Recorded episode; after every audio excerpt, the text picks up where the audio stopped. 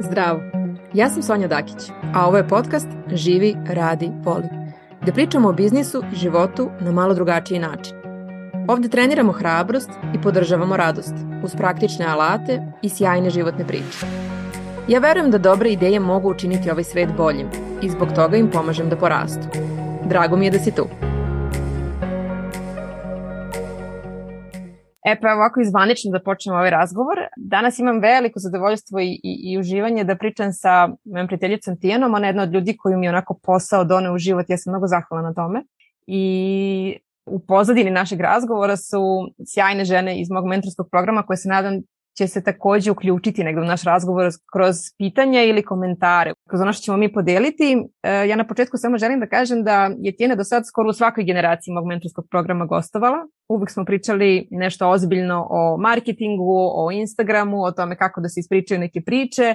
Ovoga puta i cela ideja ovih razgovora je bila u stvari da ispričamo neke malo drugačije priče i pošto su ti sastanci negde ostali zatvoreni u tim zatvorenim grupama koje su prošle, nekako je danas ideja da objedinimo i tu priču o preduzetništvu i priču o tome kako raditi za druge, kako je krenuti od jedne ideje pa završiti na potpuno drugoj. Tako da dobrodošla ti ću u ovaj format nekog video razgovora, podcasta, šta god daje. Hvala tebi na, na pozivu i uvek volim da ćaskam sa tobom, stvarno. Da, I uvek meni... nešto naučim iz našeg ćaskanja, čak i kad je ono telefon u 10 uveče i da proverim, da vidim jesu samo dobro, uvek izađe, uvek izađe nešto lepo. Da, meni je to simpatično, ta neka naša dopisivanja koja krenu preko Messengera, onda traju, traju, traju, onda u nekom momentu se umorimo od pisanja i kao onda se čujemo, onda pričamo još sat vremena pa nas mobilna telefoni, ono, da. mobilna mreža nas isključe pa mi opet nastavimo tako da uvek ima nešto. A ja ne mogu da se ne sjetim, e, mi smo se upoznali 2015. godine na prvom Superste ideodromu, to je bio prvi moj mentorski program, prvo onako velik, veliki iskorak za mene i Tijana se pojavila kao mala devojčica sa velikom idejom i velikim naučarima i pričala je jako brzo i jako brzo je hodala po sceni, ja sam mislila da će pasti saplesti sledeće, ali prosto ta, ta ideja koju ona nosila sa sobom i srčanost koju je onako prenosila je bila neka nevrovatna energija koja je sijavala i ono što je mene oduševilo što te godine niste dobili nagradu, negde smo svi mislili kako je taj projekat preveliki, kako nekako nismo, nije ta, ta, u tom momentu ta ideja nije bila, da kažem, zrela i ti si se vratila sledeće godine. I sad, ajde možda odatle da krenemo, pa ćemo onda da se samo kratko osvarnemo na tvoj neki prethodni put, ali sada kada setiš, znači eto tih nekih 5-6 godina kasnije, šta je to što je Tijanu vratilo na sledeći superste, na celu priču i koliko je tebi to značilo i koliko je za tebe to bilo onako jedno novo iskustvo, koliko tebe pomerilo lično? Superste negde i dan danas, mislim sad kad se vratim unazad i u tu 2015. i posle 2016. pa 2017. pojavljivala sam se ja više puta tu, je kao neki vid eh, onog teenage sna gde ima teenage filma američkog, onog tipičnog, gde imaš jedno ružno pače koje se nameračilo na glavnog baju u školi i rešilo je da ga, da ga osvoji i onda ga tako ganja, ganja, ganja kroz taj film i negde pri sredini se prolepša, skine te velike naočare i na kraju ga osvoji. Mislim da, da sam na Superste osvojila mnogo više od tog prajera, iako sam se inicijalno nameračila na njega. Sad, za devojke ovde koje su kratak intro, Super ste inače program Erste banke, gde ukoliko imate neku ideju, apsolutno možete biti potpuni početnik, imate ideju iz domena umetnosti, kulture i obrazovanja i vi se prijavite, prolazite kroz određene faze, ja tu poznajem Sonju i još 11 mentora i onda kada završite sve te neke faze, ukoliko ih uspešno prođete, dolazi onaj strašni sud gde vi ispred nekih moćnih ljudi iz Srbije, iz različitog domena, oni budu u žiriju i vi pičujete tu ideju, odnosno prezentujete taj vaš projekat i sve ono što ste naučili. E sad u ovom filmu ja se te 2015. godine pojavljujem sa megalomanskom idejom, bukvalno, što je mislim greška svih početnika da ono kada nešto znamo, želimo sve da pokažemo odjednom i daj sad i daj odmah. Ja se tako pojavila i prvi put sam se zapravo susrela sa nečim što je bilo i otrežnjenje za mene. Superstete 2015. godine bio moj generalno prvi karijerni fail, ajde da kažem, u, u toj nekoj oblasti i prvi taj neki udarac na moj ego, jer kao susrećeš sa određenim mentorima i sad ti mentori kažu pa ne znam, ovo treba da popraviš tu, ja to popravljam, meni se to dopada, ili kao, ne znam, neko ti totalno ispriča neke stvari, ti si u fazonu, čovječe, pa ova osoba uopšte ne razume moju ideju, I naravno bilo je onih mentora koji ti onako izbustuju taj ego, pa se ti opet kao vratiš na to neko podešavanje i onda uveče sedneš onako lepo sa svojim projektom pred taj strašni sud i pogledaš sve svoje beleške i shvatiš da sve što su ti mentori rekli ti više ništa ne znaš. Znači više nemaš pojma i šta da iskoristiš od toga i šta da radiš i šta da pričaš i ko uopšte da budeš na toj sceni. I sutradan kad sam se pojavila na toj sceni, bila sam sa Đurđom, pošto smo imali pravo da povedemo još jednog člana tima i to prezentovanje vada ti u glavi bilo ono da ispričaš sve, da ništa ne zaboraviš, pičaš ideju za velike pare. Ja sam se bukvalno pogubila.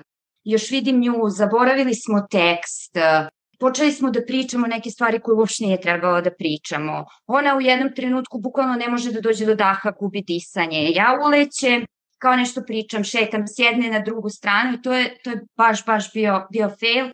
Nismo osvojili taj novac po koji smo inicijalno došli i vratili smo se, ja nikad neću zaboravim to u autobusu, ja sam plakala, ne znam da sam u životu nekad toliko plakala i baš sam onako teško podnala, bez smo znam zašto se nije dopala nikom naša ideja, bla, bla, bla. E, onda sad dolazi taj period od godinu dana kad sam ja negde, nisam imala tu sramotu, da kažem, i nekako imamo tu neku sramotu da cimamo i jurimo neko ko nam treba ili neku osobu za koju mislimo da može da nam pomogne. Ja nisam imala tu sramotu, ja sam većinu mentora za, kojima sam, za koje sam mislila da mi trebaju, koji mogu da mi pomognu, cimala preko društvenih mreža, pisala kad nešto radim. Čitala sam bredo knjiga iz, iz biznisa, iz marketinga i bukvalno sam celu tu priču I sve one savete zapravo koje sam zapisivala, meni ta sveski dan danas ovde stoji i često je se vraćam. Ja se vraćala tim savetima i zapravo krenula sam da ih shvatam. I počela sam shvatam da niko tu nije imao ništa protiv mene te godine, mene kao lično, nego da ta ideja upravo kao što si rekla nije dovoljno sazrela. I onda se nakon godinu dana izlazi novi konkurs za Superste i ja se prijavljujem. Opet. Brža, bolja, jača i onda smo te godine pobedili kao, da kažem, tom američkom teenage filmu. Onda mi to nije bilo dosta, pa sam se naredne godine prijavila opet, samo kao pojedin, a ostatak mog tima se udružio sa još jednim timom i tu dobijamo dve nagrade te godine, znači dupla dominacija i dobijamo statuetu za najinspirativniji projekat i ja dobijam priliku da ispred nekih budućih da kažem, superstevaca i, i ljudi koji su tada bili u, u takmičenju, ispričam našu priču i kako je sve ovo teklo u praksi. I ono što, što je meni superste, mislim, na kraju sam shvatila da taj novac uopšte nije bitan. Bilo je strava što smo ostvarili i, i taj projekat i celu priču, iako je i on imao svoje tamne strane, ali ono što mi je superste pored tog frajera doneo mi je ljude i tu neverovatnu zajednicu, neverovatne mentore i uvek, uvek kažem da pored moje babe, mame, Sonja u top 5 osoba i da nikad neću zaboraviti ni, ni jedno njeno prezentovanje na, na Supersteo i neke ključne reči koje ona tada rekla, ne znam, poput u što ćeš uložiti svoj život i imaš pet minuta da ispričaš svoju priču, očigledno sa nekim razlogom, nema razloga da se plašiš, ne jurete lavovi. I meni stalno onako, kad bi god pičovala, bila bi fazon, nema lavova, diši, bit će sve. Okay. I onda se negde i ta e, trema od javnog nastupa i, je i prošla, mislim prošla, mislim da je to klin sa klinom izbija ja i danas. Ja i u ovih prvih pet minuta ću verovatno imati tu neku pozitivnu tremu, ali poenta je, mislim, da kad pričate iz srca i kad iskreno verujete u, u svoju ideju i kad iskreno, i kad budete iskreni prema sebi, prihvatite te neke stvari koje vam, koje vam ljudi kažu, da, da sve posle bude mnogo lakše. A zapravo mislim da je ego tu bio, da je prve godine najveći problem bio ego i ta megalomanska ideja i želja da pokažem sve, sve u jednom trenutku. I da, kraj tog filma ide tako da ja dobijam priliku, sećam se kada me koleginica divna Jelena Vasilev iz Erste banke pozvala i rekla da ide na porodilsko bolovanje i da se raspisuje konkurs za njenu poziciju ko bi je zamenio i ko bi vodio Superste i ko bi se bavio društveno odgovornim poslovanjem u Erste banci i društvenim mrežama. I tada je rekla ja bih volela da se ti prijaviš na taj konkurs jer kao ko bolje poznaje Superste od tebe, prošla si ga ubedljivo najviše od svih, bila si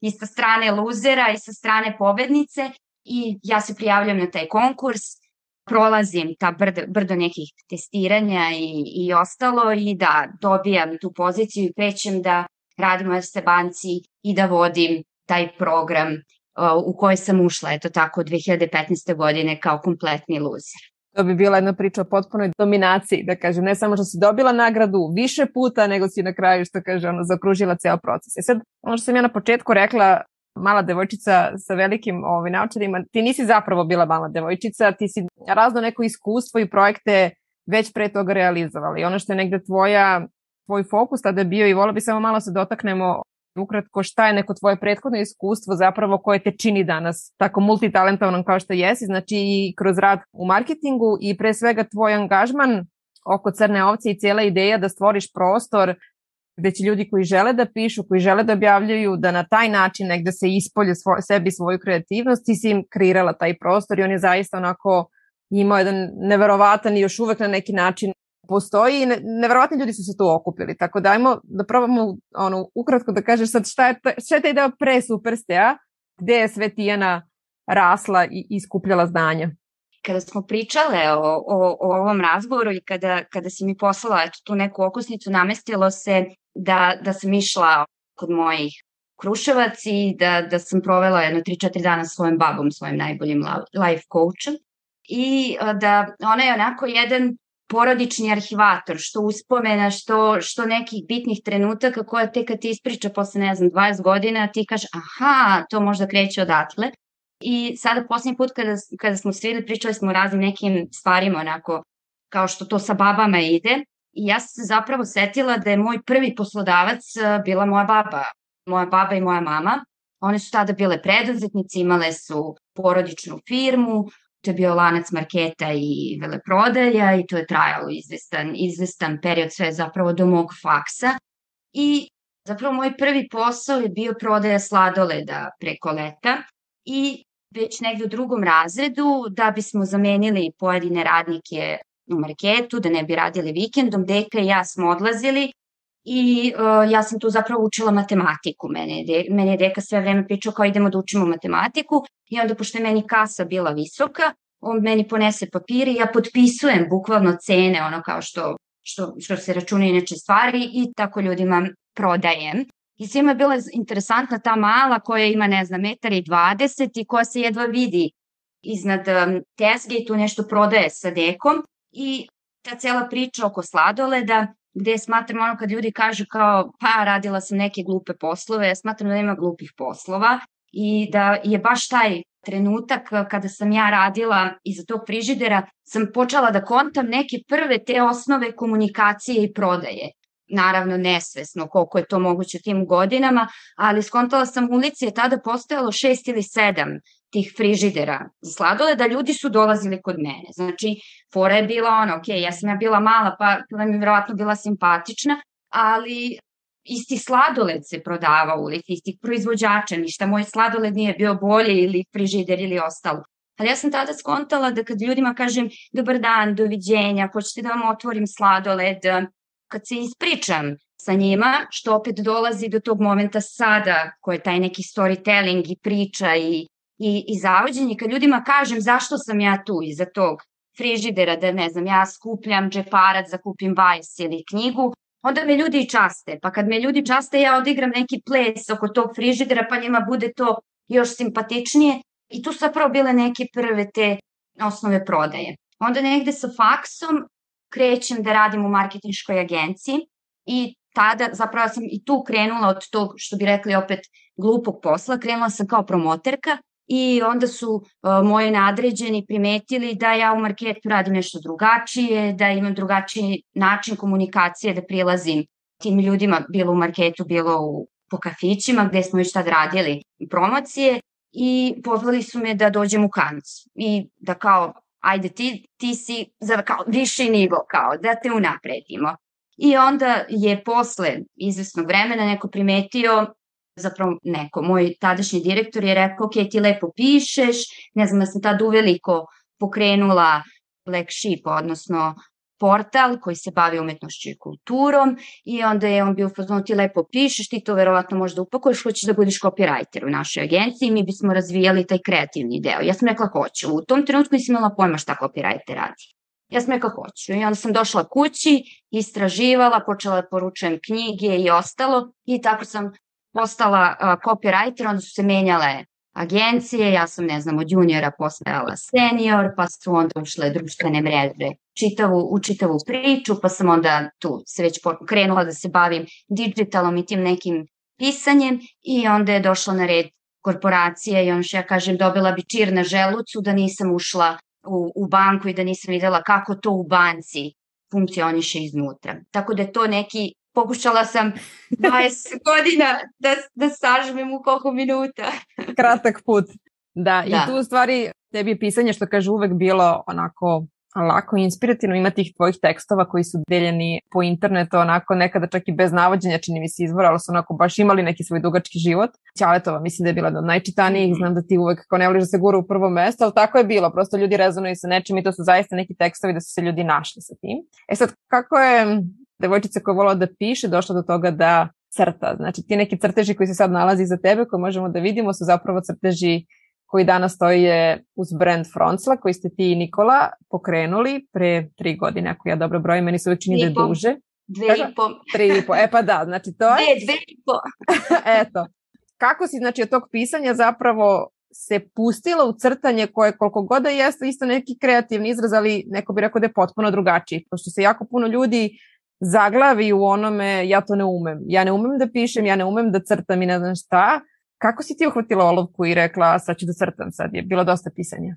E, um, nije baš bilo tako, jer ja sam crtala od uvek, mislim išlo je paralelno, ono i crtanje i pisanje, samo za pisanje sam se školovala, pisala sam književnost, onda na, na četvrtoj godini pred kraje faksa odlučujem da to nije pak za meni, da ja ne mogu da budem profesor u školi i da svakog dana radim jedno, mislim svake iz godine u godinu isto isto, da se držim nekog plana i programa, nisam, nisam baš ta osoba. I onda sam se prebacila na novinarstvo i zapravo završila novinarstvo. Tako da uvek je to neko pisanje, što bi rekla moja baba, i kad mećem tekstove u novine i pisanje za web i, i, i rad u agencije, nekako uvek je to pisanje najviše eksploatisani deo mene i, i da je taj deo najvidljiviji deo mene, a crtanje je uvek bilo tu, tako završavalo je nekim sveskama, ono je bilo moj, ne znam, bokserski džak, kad sam živčana ja izboksujem nešto na, na papiru i ostajalo je tu. Ali obe stvari su išle, oba dara ili kako da ih nazovem su išla paralelno, samo za jedan sam, školo, sam školovala, a za drugi ne sam školovala. To me često pitaju kad pošto radimo na Frontsli live-ove koji su trenutno sada na letnoj pauzi, gde ja crtam sa e, devojčicama, devojkama, ženama svake nedelje i to je nek, neki naš vid meditacije gde su upravo mnoge devojke videle da znaju da crtaju. To je bilo jako, jako lepih priča. I tu je taj moment to, kad, se, kad si u fazonu ja možda nisam Picasso i nikad neću biti Picasso, ali to ne znači da ne treba da uzmem olovku u ruke i, i da nacrtam nešto na, na svoj način i da se trudim da, ne znam, crtež koji ću nacrtati sutra bude bolji od ovog danas. I to je čitava filozofija. Da negde možda i za neke stvari za koje nismo se inicijalno školovali ne znači da ne znamo dobro da ih radimo i da ne možemo biti dobri u tome. Šta je to što je prelomilo da izađeš sa svojim crtežima i da od njih zapravo napraviš svoj posao? Ja znam da si ti dugo želala da i razmišljala o tom preduzetništvu i nekako i taj tvoj angažman u banci jeste bio na određeno vreme. Znači mi kad smo pričali, kad smo se viđali u tom periodu ti si rekla ok, ali to traje do tad i tad i onda ću ja nešto svoje. Šta je bilo to što te prelomilo da napraviš taj iskorak? Znači šta je bila ta odluka ili to što je prosto bio ti neki vetar u leđe kaš ok, sad ćemo da probamo ovo? Mislim da pre svega sloboda, želja za nekim zajedničkim vremenom i mi smo već tri, tri meseca pred moj izlazak iz banke krenuli da, da razgovaramo konkretno Nikola, ja i njegova mama, šta bismo mogli, šta, upravo to kao šta dalje. I imali smo brdo nekih ideja i pre banke koje su isto bile za koje nam je u principu trebalo dosta novca i dosta nekih ljudi koji znaju da rade te stvari, ali inicijalno nismo mogli da ih obavljamo mi. Mogli smo da obavljamo do nekog dela, recimo nekih 30%, a za 70% bismo morali nekog da platimo ili da ulažemo neke novce u, u taj deo i smo odustali od ideje. Onda imali smo mamatanju koja, mislim imamo i dalje, koja šije, to je koja je već tada u tom trenutku, čini mi se već bila 15 godina na, na birovu. Imali smo mene, to koja, to, znam da pišem, znam dosta o marketingu, imam određeno iskustvo. Imali smo Nikolu koji je ona mozak čitave, čitave operacije i koji je u fazonu i kad nešto ne zna, on je u fazonu ok, meni treba toliko i toliko vremena da sedem, da to naučim i ja ću to da uradim. I onda je Fonsal nekako došla kao logičan sled, da mi već imamo pojedina znanja o tome i, i da nam je to nekako najmanje uloženog novca, naj, najmanje uloženih sredstava i u tom trenutku mi smo stvarno ono, uložili onoliko koliko smo bili spremni da izgubimo, bez ikakvih očekivanja. Znači, mama Tanja zna da šije, ok, otiši kupili materijal, našli, ona je već imala svoj tim ljudi, što je bila naša prednost, jer ja danas kad čujem kako se ljudi muče i ne znam, razvijaju određeni proizvod 3, 5, 6 meseci, mi smo razvili proizvod za dve nedelje. Ali samo zato što razvili proizvod. Mislim, pričamo o majicama, ali e, u tom trenutku o jednom modelu majica, ali mi smo već znali ko će nam biti modelarka, pa smo otišli kod nje i, i rekli šta bismo mi voleli, onda je ona napravila taj prvi model za majicu, onda smo već znali ko nam je krojač, jer je to već bio mama Tanjin tim iz njenih prethodnih radnih iskustava.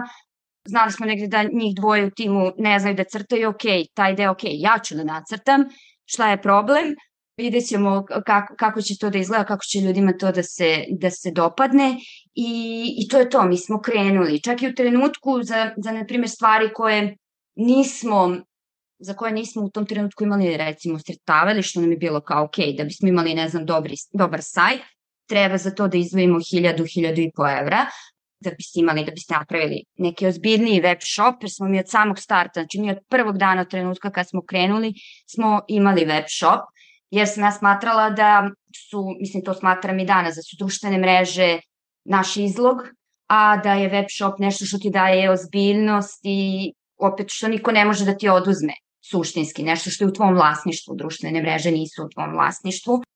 Tako da, kad smo skontali, ne znam, koliko nam treba za dobar web shop, Nikola je rekao, ok, ja ću da sedim, ja ću naučim, ja ću napravim web shop. I napravio ga. I to je web shop koji dan danas je, je taj posle dve i po godine samo ubacujemo, izbacujemo pojedine stvari. Tako da za ono što možda u tom trenutku nismo imali, što materijalno, što mi smo se snašli.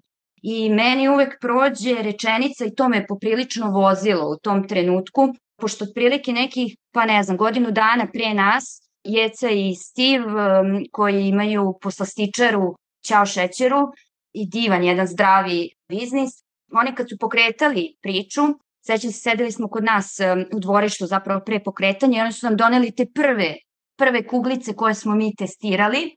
I mnogo je lep osjećaj kada imate prijatelje čih se biznisa sećate s početka i kada, kada ih vidite sad, koliko su napredovali i koliko rade strava stvari. I ja se sećam da je Stefan tada rekao mi krećemo, lupam sad, u ponedeljak, i, ali ne kasnila dostava kutija, što se inače dešava u, u, u svakom, čini mi se, biznisu, samo neki ljudi pričaju o tome, neki ne pričaju ili um, neki to sakriju.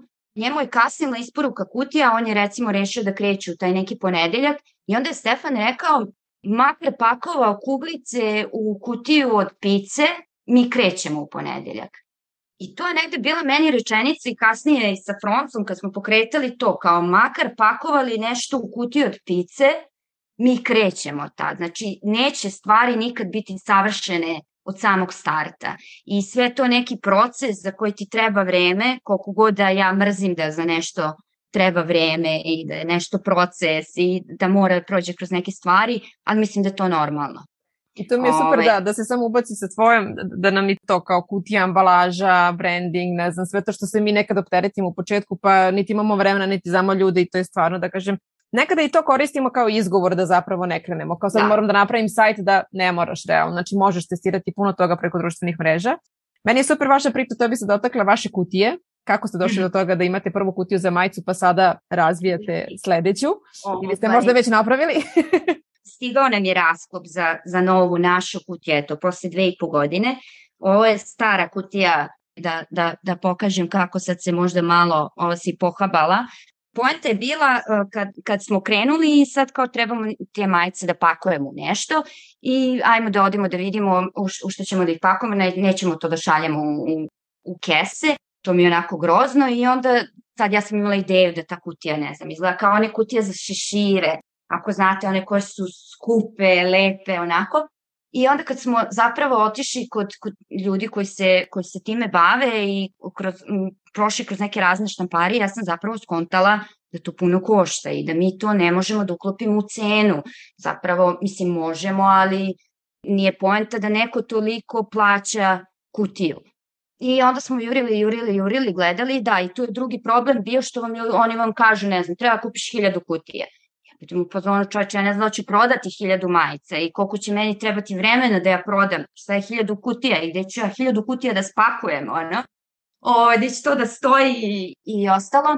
I sa druge strane, ono, kao nije, nisu ni to mali novci. I onda smo našli u Rakovici, sećam se, ja sam išla kroz te neke ra, rafove sa Nikolom i gledala šta bi otprilike tu moglo od već napravljenih kutija. I onda sam izvukla u nekom trenutku ovu kutiju i rekla šta misliš o ovom? I se da je devojka koja tu radila rekla ali to je kutija za pirošku. Ja sam rekla meni to uopšte ne smeta, meni se sviđa kako ona izgleda. Tako da ta kutija za pirošku i dan danas radi posao. Da, da ne bismo utrošili puno novca na štampanje tih kutija, mi smo uradili veliki pečat u pečatvorezačkoj radnji i onda samo samo štampamo. Tako da je i, i, i te kutije su zapravo kao i sve stvari koje nastaju u Frontli, ono, nastale iz naše radionice u neku ruku, jer i one moraju da pređu taj proces da ih pipnemo. Da. To, to je u stvari odličan primer kako radimo sa onim što imamo u datom trenutku. Znači šta je to što, što možemo da pustimo, a da dođemo onda do neke svoje priče kada se sve to razvije. I između ostalog vi ste menjali i logo, znači taj neki branding koji jeste vizualni identitet, što je uvek negde pipavo kada gledamo sa aspekta marketinga i prodaje. Nebitno da li se radi o relativno mladom proizvodu i, i preduzeću ili nekome ko postoji 10-20 godina. Znači imamo svetske primere kada su velike firme promenile svoje logotipe i kupci su se pobunili. E, ja se sećam, meni je drug frustriran pričao kada je Stark promenio pakovanje za one napolitanke, čuvene čokoladne napolitanke koje smo svi jeli i kada su ih promenili onako urozili, njime je neverovatno pala prodaja, ali on rekao, kaže sve, sve, ok, stavili su roze, kao kupovaću i roze ali što su mi sklonili one dve što su bile popreko, e to ne mogu da im oprostim, jer vi ste imali sve naslagane, onda su uvek bile dve koje su kraće. I kaže, ja sam uvek osjećao kao da su mi te dve gratis. I kao sad, da. su smanjili kutije, oni su spakovali tačno koliko treba, kaže, to im ne praštam. I u stvari koliko su ljudi, koliko se mi kao potrošači, kao kupci vezujemo za neke stvari i koliko nekada stvarno teško taj prelaz i ta neka tranzicija i ljudi novo pakovanje mogu da prihvati ili ne prihvati ili da zbog toga naprave negde distancu. Ali hoće da se dotaknemo sa svega toga što pričamo i za, uh, i za Froncu, za Ćao šećuru, te, te trenutke kada odlučiš i kažeš ok, sad izlazim. Ima ta čuvena rečenica koju tvoja baka kaže koju mi koristimo za marketing, a vola bi da ti izgovoriš da ne ponavljam ja, nekako mi autentičnije, koja je meni kruna svega kada me neko nešto pita da li treba da otvori Instagram, da li mu treba sajt, da li treba da krene sa newsletterima, ja sam u fazonu šta god, Ali šta kaže baka? Devojka koja ne izađe iz kuće neće se udati. Znači, niko, niko za nju neće znati, da možda neće uopšte znati o toj ulici ili u tom selu da postoje, da oni imaju devojku, devojku za udaju. Tako da sve dok neke stvari ne, ne izbacimo što iz sebe, što iz tih foldera, što, što društvene mreže su savršene za, za testiranje i, i savršeni su koliko umemo da čitamo brojeve i tu sad možemo da uđemo u totalno desetu neku filozofiju da li nas voze brojevi ili lajkovi ili nas voze neke druge stvari ko je lajkovao zapravo to, ko, ko su ti ljudi koji stoje, stoje iza tog lajka i da li je neko pročitao ono što smo mi napisali ili video zaista tu sliku ili ne. Kod babe e, je interesantna jedna anegdota na koju si me sada podsjetila, bila je neka slava. Recimo da sam bila treći, četvrti razred osnovne škole i bila je slava, zapravo letni sveti Nikola i namestilo se da su naši gosti, uglavnom rodbina, doneli, ono kako dolaze svi na slavu, pa vam donesu, ne znam, vino, kafu i, i ostalo. I naravno, kao svako dete, ono, gledam u, u te kese kako su oni donosili i tražim slatkiše, jel te? I situacija je sledeća gde ja kad sam potvarala te kese i gvirnula u svaku, sam skontala da nam je samo ujna donela dve čokolade, jednu za mene, jednu za brata, su svi doneli, ne znam, vino, kafu i neko voće. I bilo je brdo tog nekog voća, naranđe i banane i ona. I sad između služenja ono na svadbi, svadbi slavi kako je to haos, ono kako, kako ide, ja prelazim babi i vučem i kažem kao ali svi su doneli voće, šta, ja ne volim voće, šta ćemo da radimo s tvojim voćem? Kako se niko nije setio da, na, kao tu smo brati i ja, da nam donesu čokoladi. Ona kaže, čuti, kao i u životu ćeš nekad, nekad u većini slučajeva dobiti te naranđe i banane, a na tebi je da nađeš način da ih pretvoriš u čokolade ili sladoled ili šta ti već treba. Tom trenutku ja sam to doslovno shvatila i onda sam iznela u dvorište dve koklice i iznela sam to voće koje su oni doneli i uzela sam vagicu, onu kućnu koja služi, ne znam, kada pravite kolače i ostalo, stavila na to i napravila kao malu improvizovanu pijačnu tezgu. I ja sam počela pozivam naše goste, našu rodbinu, mislim sva sreća što je 80% bila rodbina, na tu tezgu da dođe da između tarme i pečenja se osveže sa tim bananama i naranđama i onda su oni mučeni morali da izađu i kao pa evo ja bi jednu dobar dan, dobar dan, da se pretvaraju da su deo moje igre, ja bi uredno izmerila i rekla 20 dinara, 30 dinara, oni su plaćali. Čeli su meni plaćali voće koje su oni doneli. I zapravo mi se čini i da kroz posle, kroz marketinške agencije, kroz banku i sada kroz Froncu, ja zapravo ceo život žongliram sa tim naranđama i, i bananama i od njih i tražim... Menjaš ih za nešto što više voliš. Da. Sjajna priča. Ti si u stvari jedan dobro treniran prodavac od malena, što kaže samo toga možda nisi bila svesna sve ovo vreme, što je sjajno, jer mislim, ja ne znam puno dece koje bi došlo na tu ideju i koje bi to stvarno tako sprovela, tako da očigledno da osim što bab ima veliki uticaj i da, veliku mudrost koju nosi, svakako je deo bio i do tebe što si bila spremna da stupiš u akciju. E, htela sam sad da se dotaknemo, da se vratimo u stvari na Fronslu i na to kako izgleda, spomenuli smo Nikolu i Nikola neko ko ne voli da se pojavlje, iako ga mi stalno negde guramo, ali on, on svašta nešto nudi za protiv uslugu samo da se ne pojavi. Kako izgleda kada kao partneri životni postanete poslovni partneri? Znači ja negde nikada nisam na tako direktan, tu direktnu situaciju, meni je značilo da imam nekog u poslu. Znači ja uvek kažem ja daj daj ne bi nikada pokrenula sama, ne bi ko radila to što je uradio. Danas mi takođe srđanova podrška puno znači, neke stvari mi jesmo zajedno realizovali, ali ga mi ne radimo u potpunosti, znači to nije moj e, naš posao, on ima svoj put, ja svoj, onda jedno drugo podržavamo na tome. Ti Nikola ste zajedno zakoračili ovo u momentu kada je to za vas značilo pored finansijskog ulaganja i to neko vreme i energiju i sama si rekla motivacija jeste bila da budete više vremena zajedno, ali nekada to kada radimo zajedno zapravo bude napravi veći haos nego neki drugačiji scenariju. Pa kako ste vi tu i da li ste uopšte postavljali u startu neki okvir kako će to da izgleda ili ste se pustili u to pa da vidite pa su danas neke dobre, a, a možda neke izazovne strane tog koncepta?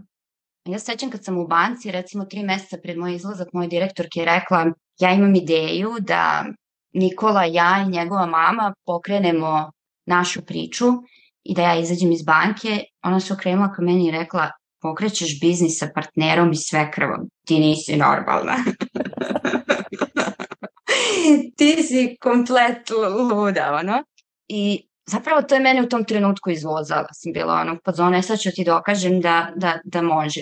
Nikola je na neki način suprotan potpunosti um, od mene Znači, to što ja volim da pričam, on ne voli puno da priča, ali zato on kad kaže, kaže tri reči i on je rekao.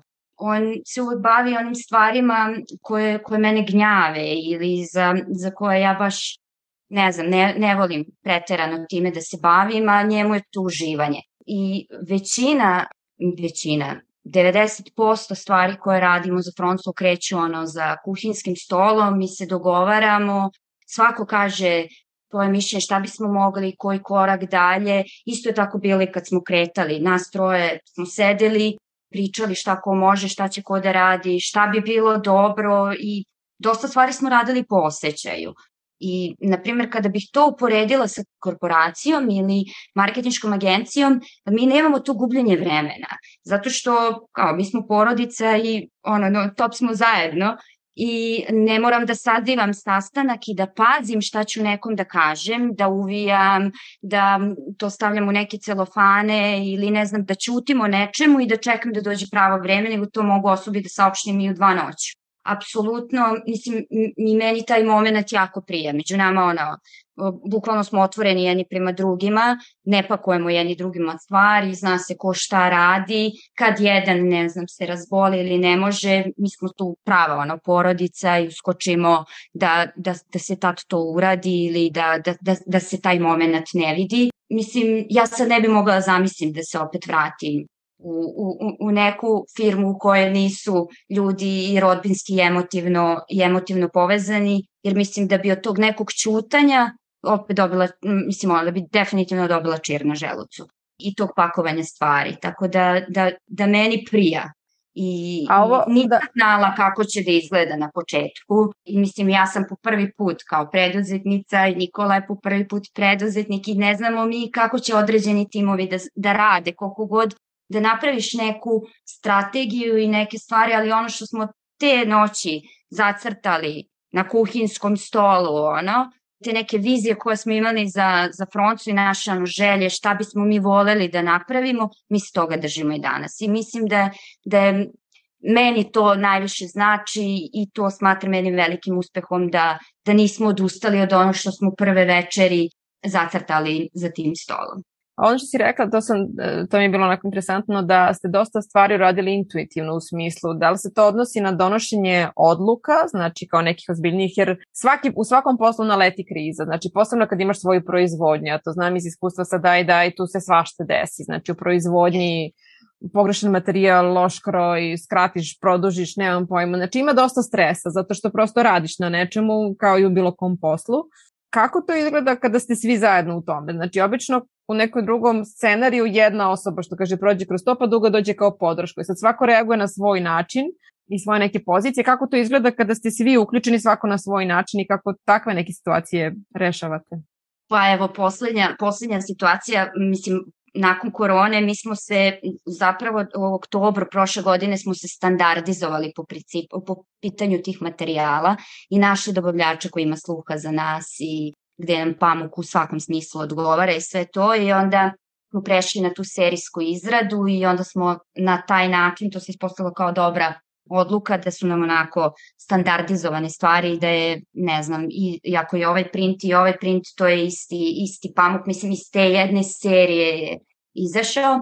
I onda je, pošto korona u Turskoj malo ima drugačiji tok, da tako kažem, onda, onda je ta fabrika u nekom trenutku dža je radila, dža nije radila i na početku leta, jel ti pričam opet o našoj udarnoj sezoni, odlazimo kod, kod našeg dobavljača i on nam kaže da ima dve bale belog pamuka našeg i da prosto ne zna ni kad će da ga dobije, ni, ni, ni šta će biti sa, sa fabrikom, da još uvek pregovara sa njima i mi dolazimo od toga da nama dve, mislim, dve vale pamuka nam ne znači ništa, to je nekih 200 majica znače nam, ali ne dugoročno, mi treba da izguramo celo leto. I ja se sad tu okrećem, Nikola se onako malo stuštio i sad već ja znam, on u glavi razmišlja kako bi te dve bale mogle najbolje da se iskoriste. I ja se okrećem i kažem, a da nemaš možda u nekoj boji pamuk? I ona kaže, e pa ti voliš roze, imam roze pamuk. I mi kupujemo roze i tako nastaje roze majice. I onda to je možda taj uh, moment, i ako se jedan smori, drugi je tu da izvuče stvari da, na kreativan način, i da kažem da, da, da reši problem. I evo baš bukvalno pre tre dana nam je, nam je stigao novi pamuk, tako da krećemo da se sada opasno, opasno spremamo, ali eto, to je trajalo, znači, od početka leta pa do pre dva, tri dana. I ta agonija bi trajala da se mi nismo, da nismo prosto uzeli roze materijali i samim tim uneli neku novinu, jer kao do tad nam je većina majica bila bela i crna, ajmo sad i neku boju. Pa smo posle eksperimentisali, uzeli boju Jorgovana. Tako da na taj način prevaziđemo. Kad uh, nam je mama Tanja u jednom trenutku bolela od korone, mi smo morali da se snađemo, jer kao ne znamo kad će ona krenuti da šije, dobijamo poručbine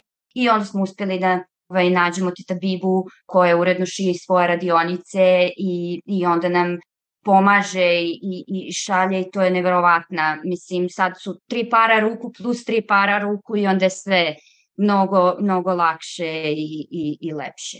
Hendlujemo zajedno i mislim da je muka manja kad se podeli ili kad se tako podeli na, na tri dela, jer kao svi smo u istom sosu i onda uvek, uvek neko na kraju nađe, nađe rešenje. Definitivno je manja muka. Pa da, i ono što, sad kao vraćam se opet ono što si rekla, e, ta ideja koja je nastala za tim kuhinskim stolom, negde kad se postave kao kada se slože u stvari i vrednosti ideje i kad svako vidi tu svoje mesto, mislim da onda stvari mogu mnogo lakše da, da funkcionišu. E sad, negde moram da se dotaknem pričanja priča i pisanja i, i marketinga, to mi je nekako sastavno, što je između ostalog kada negde pričam, kad imam radionice na temu online nastup ili bilo čega, tvoj profil, to je vaš profil jedan od kojih uvek podelim, ne zato što vas znam, nego zato što zaista mislim da sjajan. ja porastem barem 10 cm na ovih 1,57 Zato što je zaista sjajan primer i meni je bilo mnogo drago, ja kad sam podelila na Instagram onaj kao kratki video zašto cena u inbox, ti si mi se onako iskreno javila i rekla pa da, ali mi stvarno ne kačimo, da sam ja snimila dodatni jedan video i rekla ok, kada je u redu da, da nema cene uz proizvod, da, kad imate sajt, kad imate postavljen Instagram shop i to mi skoro sam isto to negde onako pokazivala kao primer, između ostalog i uh, Jecu sa Ćao šećer, znači to su zaista neki profili koji su onako jednim autentičnim autentičnom pričom koja je napravljena. Pritom vi kad ste se pojavili sa Fronclom, tržište majci u Srbiji je bilo prilično popunjeno. Mislim i naravno razvija se i dalje i to je onako dosta konkurentno tržište i bili ste ograničeni time da ste u startu imali samo bele majice, pa samo crna štampa, znači niste hteli da idete na višebojnu štampu, negde ste tako izgradili svoj stil, opet neki ljudi su to vezivali sa, i to često spominjamo, sa škrapcem, pa ste i tu imali onako jedan, jednu priču oko toga koja se gradila, ali šta je tvoja ideja bila i, i znaš, neću te pitam ko šta je tvoja strategija oko Froncel, nego šta je ta, šta je ta priča koju si te, ti htela da podeliš oko Froncel i zašto ljudi danas vezuju za čitanje, za knjige, za putovanja, znači za te neke njima lepe trenutke u životu i onda ih asociraju zapravo sa svim tim natpisima i crtežima koje ti praviš? Na prvom mestu mislim da su u Fronci sve one neke ideje koje moji prethodni klijenti nisu razumeli. Ili kad sam se ja trudila da objasnim, ne znam, eto, možda bi mogli tako da radimo kampanju, su bili ne, ne, ne, držimo se neke sigurice, što je isto skroz ok. Ili dešavalo mi se da klijenti kažu ovo je previše keči za područje Srbije. Ovo bi možda prošlo, ne znam, u Americi, u Francuskoj ili gde već, ali za Srbiju ovo je za nas much. I to je opet skroz ok. I onda su te sve neke stvari akumulirale i dolazimo do toga da um, ljudi nekako modu, kreiranje garderobe, mada ja nas ne doživljavam kao modu, ja više nas doživljavam kao taj impact fashion, gde ti uspevaš uz pomoć komada pamuka i određene ilustracije i poruke da budeš na prvom mestu blizu srca ljudi i da bukvalno uđeš u njihov život da oni nastavljaju da pričaju priču. Znači više tu, zato i kažem, mi nemamo osjećaj da prodajemo majce ili duksevi, da prodajemo taj osjećaj. Najlepše su te priče koje stignu u, u DM kad neko nosi majicu gde je obukao, šta njemu znači, ili kad devojka kaže da, to sam ja, ili ne znam, obukla sam je na prvi dejt ili obukla sam je sada kad idem na sedmu ili osmu veštačku oplodnju. Da, ja ću danas obrisati granice. I to mene negde, negde hrani. Ali dok nismo došli do toga, dok je taj proces građanja bio, generalno ljudi modu, opet kažem modu, kreiranje garderoba, čini mi se doživljavaju površno. Onako, ne znam, a strava, idem, kupila sam majicu, ne znam, za 5 evra, 499 dinara na, na sniženju i super sam. Da ne razmišljaju o tome ko je sašio, na primjer, tu majicu, kakvim uslovima ta osoba koja šije majicu, kakvim uslovima radi, kog je to materijala, šta, šta stoji na toj deklaraciji, odakle je stiglo. Znači nekako nama kao da nam je važno, mislim opet i to razumem, ljudi nemaju za neke osnovne potrepštine, pa sad kao sad ću još i o tome da razmišljam, ali mislim da po tom pitanju negde opet treba da budemo osvešćeni i, i, i da dajemo priliku i biznisima iz Srbije, jer ne mora da znači ako je nešto napravljeno u Srbiji da, da je lošije od nečeg što je došlo iz Italije, ali da treba da razmišljamo i o tom Bangladešu i Vijetnamu, koliko god da, da su daleko i u kakvim je uslovima nešto nastalo, I meni je stvarno to bio izazov. Izazov mi je bio da objasnimo to cena. Zašto, ne znam, ta majica kod vas košta 1550 dinara, iako nam se to samo dva puta dogodilo, da, da ljudi Peter su vremenom kroz tu priču skontali vrlo dobro zašto. I mislim da, izvini se da ovaj, prekinuti. A ja, na primjer, to je ovo što si rekla da prodajete u stvari osjećaj, a ne majicu. Znači da prodajete, da. neka šira vrednost je prihvaćena. Pa, mislim, skroz je okej okay da te neko pita, ne znam, ja u Zari mogu da kupim za 499 dinara, a kod vas je 1550, zašto? Ali skroz okej okay da ti daš iskren odgovor i da kažeš zašto je to tako, a opet bez vređenja Zara ili bilo kog fast fashion lanca, jer um, sa, samo je važno da nekog podsjetiš, ok, ti fast fashion lanci dobijaju, ne znam, stvari odatle, treba uračunati put, treba uračunati radnu snagu koja to treba da izradi, treba uračunati materijal, treba uračunati radnje koje su uglavnom u glavnim ulicama po shopping centrima i ostalo i radnu snagu koja radi u tim shopping centrima i onda tu dolazimo do marketinga, kampanja, fotkanja, manekenki i ostalo, da bi nešto koštalo 499 dinara. Kako? Mislim, samo tako stvari kad poslažemo u, u, u glavi, onda mi ništa ne moramo da dalje da, dalje da pričamo.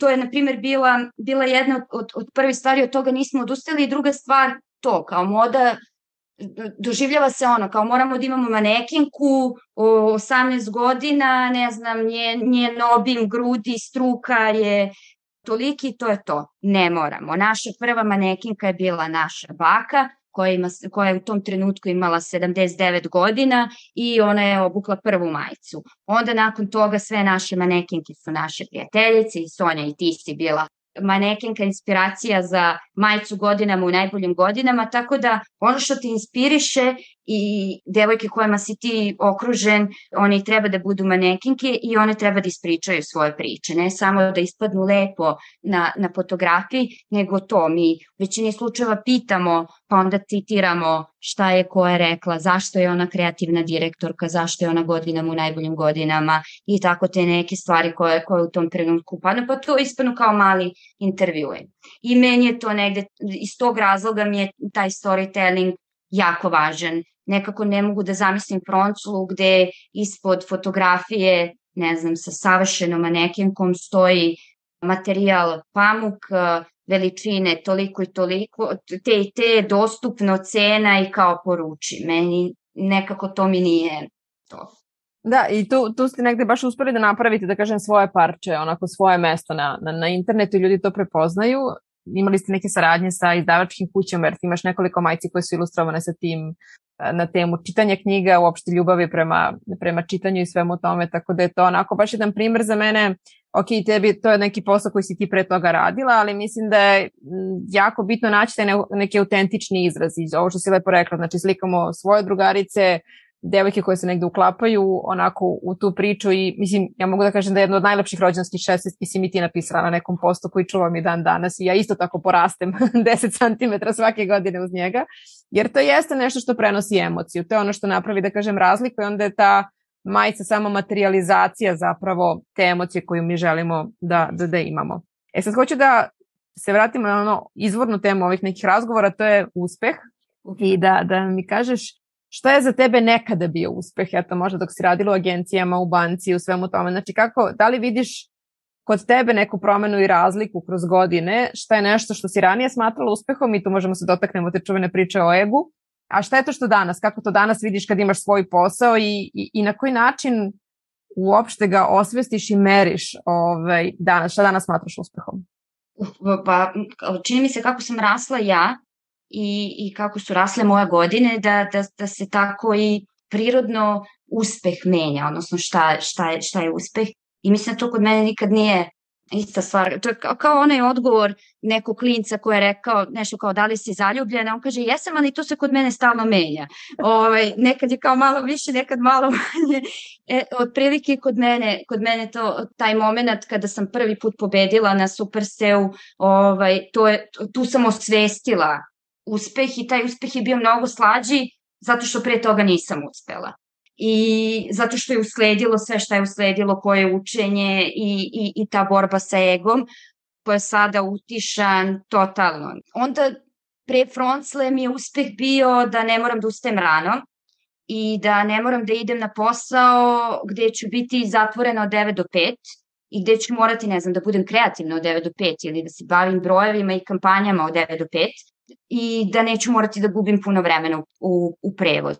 I kada smo to uspeli da postignemo sa Fronclom, da ja mogu da ustanem kad god, da je nama posao u dvorištu, da je dovoljno da napravi par koraka ili u kompjuteru ili u telefonu i da ne moram da zapravo putujem do, do svog posla, ja se osjećala poprilično uspešno i srećno.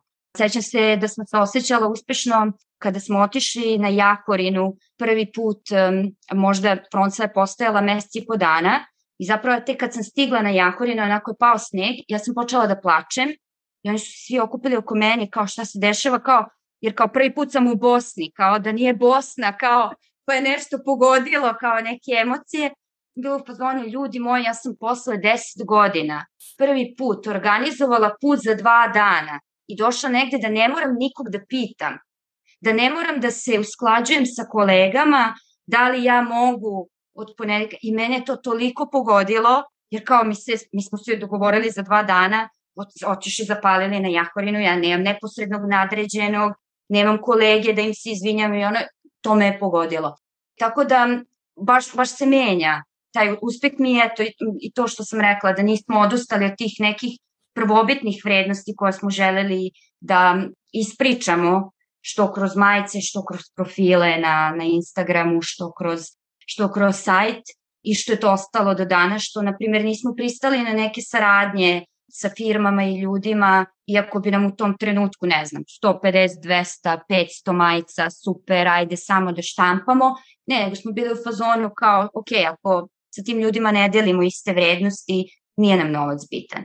U tom trenutku nekako to smo doživljavali kao prodaju sebe. Mm -hmm. Sa druge strane, ne znam, kad se pojavio Milan sa igricom koja treba da unapredi obrazovanje i koja je igrica za uh, profesore i kad je rekao kao uh, zapravo ja sam ga shvatila da on traži da mu preporučim nekog ilustratora, on je rekao kao ne, ja sam mislio da ti budeš ilustratorka.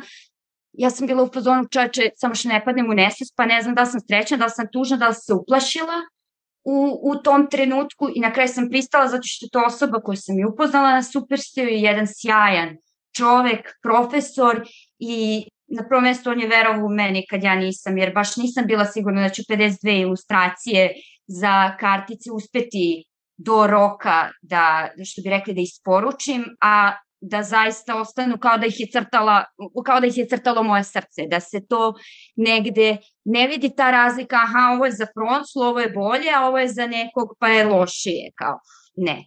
Tako da i na to sam ponosna, što ne, zapravo to je nepristajanje na kompromise i, i da nas u celoj priči ne vozi keš ili ne znam sad da pravimo neku, neku imperiju, nego više neke vrednosti i ljudi sa kojima treba, treba da radimo.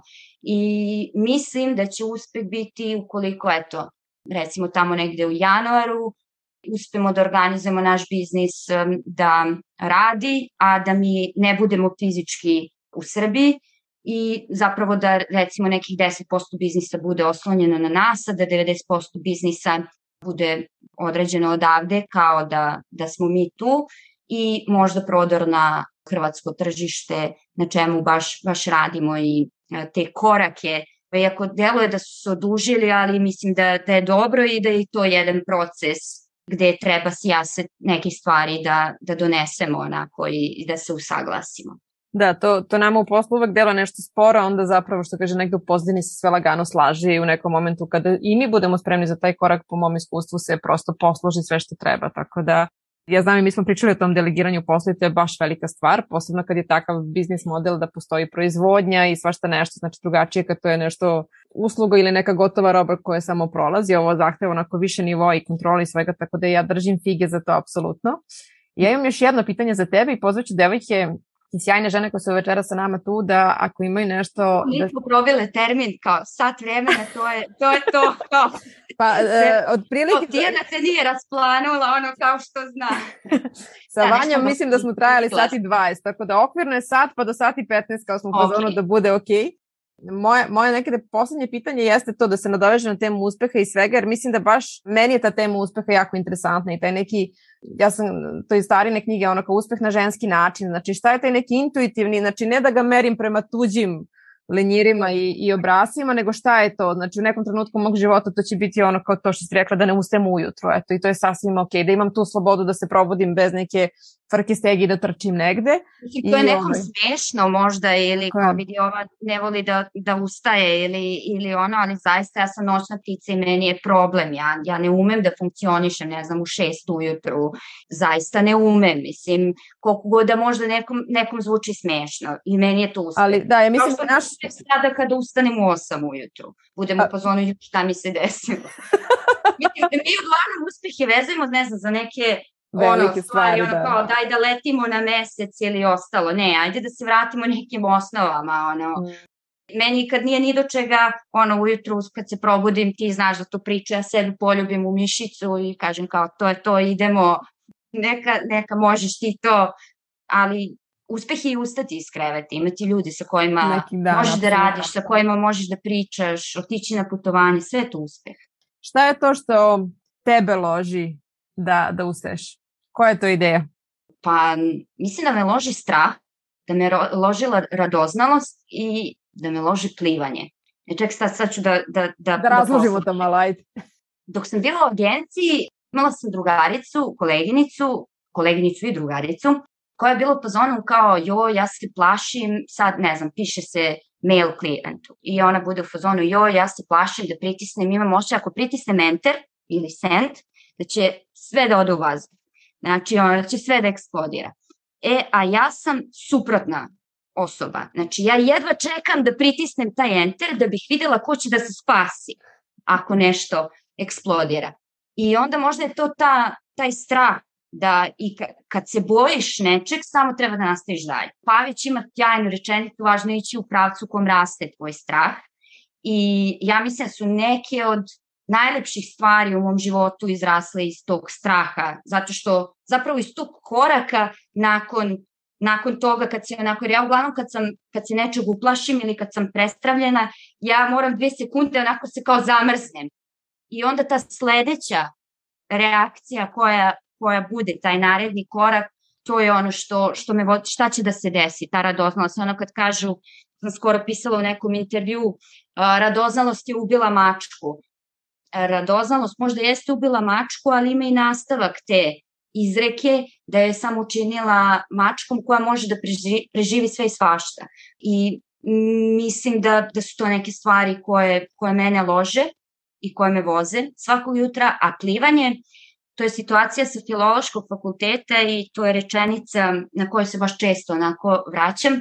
Imali smo metodiku nastave i to je moment na četvrtoj godini kada vi trebate u pravoj školi, pravoj deci da držite pravi čas. I tu imate neku u poslednjim redovima kontrolu, da tako Aha. kažem, ljude koji ocenjuju, neki žiri školski, kako ste vi održali taj čas. I pre toga, ne znam, pravite pripremu, pišete, radite, učite, naravno, prošete četiri godine, o, dve godine metodike i sve ono što ste naučili. I o, ja sam bukvalno nekih dvadesetak dana pred tu pripremu sanjala svake noći, noći u, u, u noć, da ja izlazim pred to odeljenje, da ja krećem da držim čas i da nikog ne uspevam da animiram. Znači da meni niko ne, niko ne, ne podiže ruku, niko mi ne postavlja pitanje i da se se ja u nekom trenutku prepala i ona kao odustaje.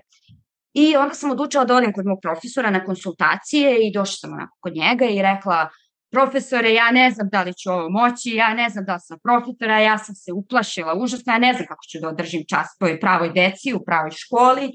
Ja svake noći sanjam kako ta moja priprema ništa ne valja, kako se meni niko ne javlja, kako niko neće da priča sa mnom, kako sam se ja prepala. I on je u tom trenutku rekao kolegice, čas je kao jedna reka i samo je fora da plivate. Iako se plašite, vi nastavite da plivate jer je poenta da pređete na drugu obalu što je 45 minuta kad bude zvonilo. Za slučaj da vam niko ne digne ruku i za slučaj da nikog ne uspete da animirate, ja ću podići ruku i odgovoriti na pitanje. I meni je nekako u tom trenutku to bilo kao kuća i evo, to je to plivanje, ono, da i kad znam da, da, da se nečeg plašim ili da možda nešto neću moći, uvek imam tu neku ruku sa strane koja će da kaže prave reči ili koja će da, da, da me pogora. I to je ono što i to je ono što me u Fronsli vozi jer mi zaista dobijamo DM-u i inboxu nevjerovatne priče i sve te žene su uspešne na svoj način i sve nekako rade prave stvari. I, i jako uživam u, u njihovim pričama i mnogo mi je drago što uspevamo da se na taj način povežemo sa našom zajednicom, što ne posmatramo kao je ovaj kupila majicu, ćao zdravo, ne. Mi bukvalno znamo gdje živi kad su na moru i, i, i što može da deluje kao psihomomenac, ali mi smo se povezali i imamo osjećaj kao da se znamo 100 godina.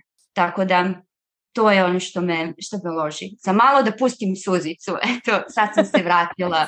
Dobro, meni je taj, da, taj, taj primer sa profesorom definitivno je jedan primer pravog mentorstva u stvari koji, kažem, iako tada se to nije tako možda zvalo, ali to jeste taj princip da ti znaš da će uvek neko tamo negde podići ruku, što kaže, kada, kada zagusti da, da neko stoji u, u zadnjem redu za tebe. Tako da hvala ti na tom primjeru, nekako onako lepo za, zaokružuje priču. Sad bih htjela da vidim da li neko od vas ima pitanje, ne morate pitanje, možete komentar, da vidimo šta. Vidimo. da li ima Ja neko... to ne vidim, pa da vidim. A, evo, Kristina vidimo, hoćeš Kristina da nam se uključiš? Ćao svima, ne znam da li se Tijena seća mene, ali ja sam iz Čilo i Vedro nekadašnje. Ja sam bila u toj bazi Crne ovce isto i kao gost i baš je bilo lepo. I mnogo, mnogo sam se radila da, da čujem ovu priču iza kulisa i tela sam da te pitam, pošto mi deluje da nekako najveći fokus definitivno na samoj zajednici, da je možda to i čitava svrha taj odnos, a ne samo parče tkanine i tekstila. E, šta to znači konkretno građanje zajednice konkretizovati, da kažem? To znači pojaviti se svaki dan na Instagramu ili imati live svake nedelje ili eto samo konkretnije šta znači kako gajiti taj odnos sa zajednicom e, na društvenim mrežama i odakle se počinje i kako se to kultiviše i tako. Što bi rekli, odlično pitanje.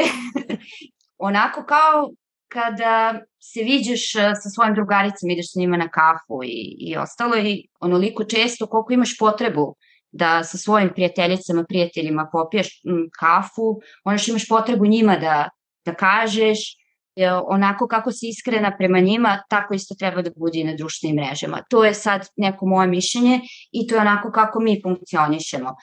Navešću ti primer, um, prošle godine, baš u tom oktobru, um, mi smo trebali da iskomuniciramo sa zajednicom zašto povećavamo cene. I ja sam to mogla sada da upakujem, da stavim neku veselu sličicu, nemam pojma ni ja. Mi smo bukvalno onako iskreno, kao što bih rekla, sada da sa tobom pijem kafu, navela taksativno da se naš tim proširio, da imamo krojača, da imamo novog štampara, da imamo teta Bibu. Znači, da svi oni moraju da budu u lancu srećni i zadovoljni i fair plaćeni. I da je zbog toga, zarad cijele te priče, mi povećavamo majicu za 100 dinara, što nekome možda ili 200, ne mogu sad da setim tačno koliko je, koliko je bilo, ali neko može da kaže, o bre, koliki post za 100-200 dinara, ne, ne, mi smo imali potrebu da budemo iskreni. Tako da, e, tako se gradi zajednica, iskrenošću, bez nekog photoshopiranog života, e, kad ti nije dan ili kad e, nema, ne znam, nemam potrebu da objavim post na, na društvenim mrežama ili kad ne znam šta mi se piše, mene baš briga za algoritam i da li će sada jurim ja algoritam i, i ostalo. Nekad imam toliko inspiracije da stvarno ono postojemo nekad svakog dana ili svakog drugog dana nemam konkretan plan u tom smislu social media plan, pa kao ja da pravim ponedljak, petak, ne znam, sreda, kad se šta objavljuje, kad šta ide. U tom smislu ne, jer to je bio onaj deo, agencijskih deo mene od kog sam htela da pobegnem i da oslobodim to, mada je Čalija i Sonjena prijateljica i da vlasnica Anđela rekla da Tijana ti možda nemaš social media plan napisan u svesci, ali ga imaš u glavi. Posle toliko određenih kampanja ti sad možeš da sedneš i da napišeš određene stvari. Tako da se zajednica gradi onako kao što se prijateljstvo gradi. Kao prijateljstvo sa ljudima u realnom životu. Jer ja Instagram posmatram poprilično, poprilično realno i zato i manekenke koje slikamo su ono što jesu i pričaju ono što jesu. I ljudi to znaju da osete, ljudi nisu glupi. Ljudi vrlo dobro znaju da ispo, osete šta je isfotoshopirana realnost ili isfotoshopirana devojka ili ko se kako pretvara. Jer ako krene neko se pretvara na početku, onda tu igru mora da igra do kraja. Mislim da je to mnogo teško. Da, sad si me podsjetila, ima, bila jedna devojka isto, ja sam, ne znam koji je brend, tačno u pitanju isto radi garderobu za m, mhm. devojke i žene, mislim da ima radnju ili proizvodnju iz Beograda, u, mislim da kod, kod piramide ima negde lokal. I njima se desilo da im je, izbacili su neke super letnje haljenice, bluzice, onako nešto popularno, vrlo pristupačno, isto njena proizvodnja i eksplodirala im je prodaja. Znači, tipa postavili su online shop i imali su 150 poručbina u tri dana i ona je objavila da na IGTV gde se svima izvinjava da kaže da je 5 sati, da su svi otišli iz firme i da će ona ostati naredna 3 sata da sređuje te poručbine, da je došlo do nekih grešaka, da su pogrešne stvari poslate, da ona tek sada shvata da oni nisu imali sistem zapravo za toliku prodaju, da njima nisu sistematizovane stvari po policama. Znači to je njih poguralo u neku onako optimizaciju posla, ali ta njena onako hrabrost, iskrenost da ona kao izađe i kaže znate šta, pogrešili smo, izvinite, svi da. koji hoćete vratit ćemo vam pare, ako možete da sačekate, sačekate. I ja sećam, meni je to isto bilo jako neprijatno kada je nama recimo kasnije materijal zbog Ramazana koji ja nisam znala kad je i da treba da ga upišem u kalendar. o, ovaj, I da znam da tri nedelje oko Ramazana se ništa ne dešava, znači neće biti robe da zaista sedite i ono što kaže, možda je najveća kletva to za preduzetnika kao da vam ljudi traže robo da je vi nemate na polici kada se radi o fizičkom yes. proizvodu i da vi pišete i da se izvinjavate i da shvatate da će deo kupaca otići ako može na drugo mesto i posebno ako je nešto što je rođendanski poklon, treba mi za put ili nešto, znači gde vi ste vremenski ograničeni, ali da će isto tako veliki broj njih ostati i biti još privrženiji zbog toga što ste podelili sa njima i zbog toga što ste bili otvoreni i transparentni. Tako da ja ovo onako potpisujem i podvlačim zaista da ta iskrenost jeste nešto ključno i koliko god zahtevalo vreme, vi ste naravno imali i plaćene kampanje za Fronsul i svašta nešto, ali mislim da danas zaista se vozite samo na tom na toj priči koja ide oko svega toga ovaj, i, i ta neka zajednica koja se zaista okupila i sama već dalje deli, znači da se neka kritična masa tu stvorila. Jeste. Super. Hvala Kristini za ovo lepo pitanje, ali imaš neko da bi nam se uključio sad dok imamo još malo vremena? I možeš, ako imaš još neko Kristina pitanje, slobodno pitajte. Znači, eto, možete pitati, evo vidim, jasna? E, ja nemam pitanje, ja bih samo da kažem da ovaj, ja nisam lik koji kupuje online, skoro nikada, ali kada sam videla majicu Miriše na ljubav, to se sve završilo. Znači, ja sam istog momenta poručila majicu, oduševljena sam kvalitetom samog proizvoda kao proizvoda, znači bez obzira da li je to pantalone, majica, šta god, pamuk je fenomenalan, ukrojena je brutalno. Znači, ja nju kada sam obukla, to je bilo to. Znači, ona je kao da je po meni šivena i držim je među majicama koje su otprilike ono na nivou stvari od svile, kašmira i ne. A ne! Kunem se. Nosim je samo u meni posebnim prilikama, šta god to značilo. Znači, baš ono što si u nekom kontekstu uh, i pomenula ovaj, u nekom momentu, mislim, nama su posebne stvari nešto što je nama posebno, što nema veze sa situacijom, sa realnim događajem. Znači, ja nju kada obučem, gospode, taj osjećaj, kada ja znam da meni na grudima piše mirišem na ljubav, ćao. Znači, ja, ja mogu šta god hoću tog momenta. I uklapam je i šta ide i šta ne ide. Znači, apsolutno me ne interese. Kad imam potrebu da je obučem, ja je obučem. Tako da ovaj, nemam nikakvo mudro, pametno pitanje, ali baš, baš sam htjela da podelim e, taj moment da jedna najobičnija pamučna majica može da donese promjenu u osjećaju kod, kod osobe koja je nosi kao da je obukla ne znam šta. I hvala, hvala ti. ti puno i to je ono u šta kao verujem, ja stvarno verujem da postoje srećni i tužni proizvodi i da negde sreća može da, da, da, da se oseti, nebitno dalje pamuk, drvo, šta god, ali s druge strane jedino sam ja nesreća zato što u poslednje vreme dobijamo stvarno dosta tako feedbackova gde, uh, feedback, stara srpska reč, uh, izvinjavam se, povratnih reakcija, gde kažu kao pa ja perem na ruke, pa ja kao da svile, pa ja nosim samo u posebnim prilikama, ovaj, gde mi stvarno bude onako kao ne, slobodno je nosi, mislim, ona, ne, neće, neće ništa biti. Hvala ti puno, baš, baš, baš mi ovo znači. Evo imamo još jednog fana. U, u četu slađa se javila, pošto kaže možda će da se isključi telefon zbog baterije, ali ovaj, kaže zadovoljan je kupac, to svakako hoće da, ovaj, da naglasi. I ima pitanje kako si prevazilazila strahove u poslovanju. Slađa isto ima, da kažem da, se trenutno dva da. posla koje vodi.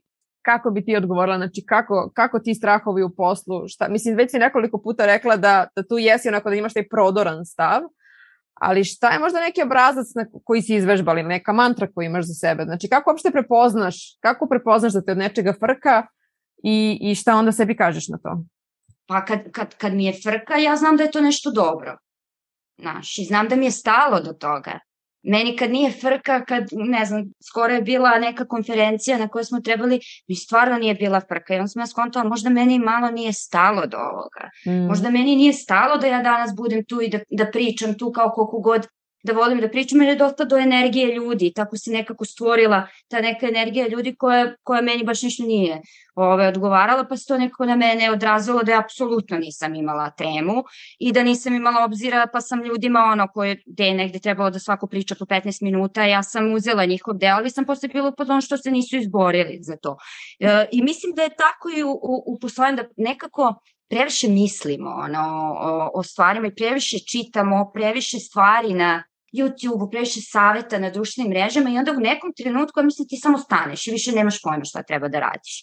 I najbolje je ono da radiš, da, da ja kažem, najbolje odluke sam donela kad, kad sam mislila srcem, kad sam malo ono mozak iskulirala, kad sam ostavila sa strane šta je rekao ovaj, šta je rekao ovaj i dalje ovaj rekao da to tako treba, jer možda to što radi za njegov biznis ili njen za moje uopšte ne mora da radi. Ajde da testiram. I meni, meni je svaki taj strah e, u poslovanju je to, kao vozi me to šta će da se desi, znaš. Svaki, svaku majicu novu koju mi objavimo, ja ono da kažem, mi to ne izbacujemo, mi razmišljamo o tom printu, mi nemamo kolekcije, mi nemamo ono jesen zima, ne, mi objavimo nekad majicu, jednu majicu za mesec dana, nekad prođe dva meseca pa mi tek objavimo majicu. I, I tu me vozi to kao šta će da se desi sa tim, kako, da li će ljudi da je razumeju, da li će da im se svidi, da, da li je to ona priča koju sam ja htela da ispričam kroz taj uh, crtež i, i te reči? I da li ćemo da dobijemo ovakvu reakciju kao što je Kristina ima? I da li ćemo imati te devojke koje peru majce na ruke i ponašaju se kao da, kao da su svilene. Tako da mislim da treba mnogo više da slušamo sebe nego, nego drugi, ako sam ja veliki pobornik i knjiga i edukacija i ostalo, ali mislim da je najveći problem kad krenemo da upisujemo, ja sam bila takva, uh, u periodu 2015. do 2006. godine upisila sam brdo edukacija, čitala sam brdo stvari, a mnogo sam naučila tu, ali tad nisam ništa konkretno radila. Mislim, ništa Dobro, to isto ima svoje znanja, faze. Znači imaju te faze nisam. sakupljanja znanja i onda Tako je samo poenta iz toga izaći i reći ok, sad ću ja sa tim da uradim. Ok, sad ću ja da izvučem neke stvari odavde i da krenem to da radim. da, da krenem. Ako to ne prođe, nije kraj sveta, idemo dalje. Idemo neki drugi, drugi model. I mislim da to posmatranje konkurencije i zapravo u marketingu postoji čitava nauka koja je to i analiza tržišta i analiza konkurencije, postoje alati koji ti sve to analiziraju kako ko radi, koje su, ne znam, pogotovo kad, kad vi, ne znam, na nivou, seća se u banci, kad si ti na nivou korporacije koja ima novca da plati takva neka ozbiljna istraživanja koja rade bukvalno naučnici.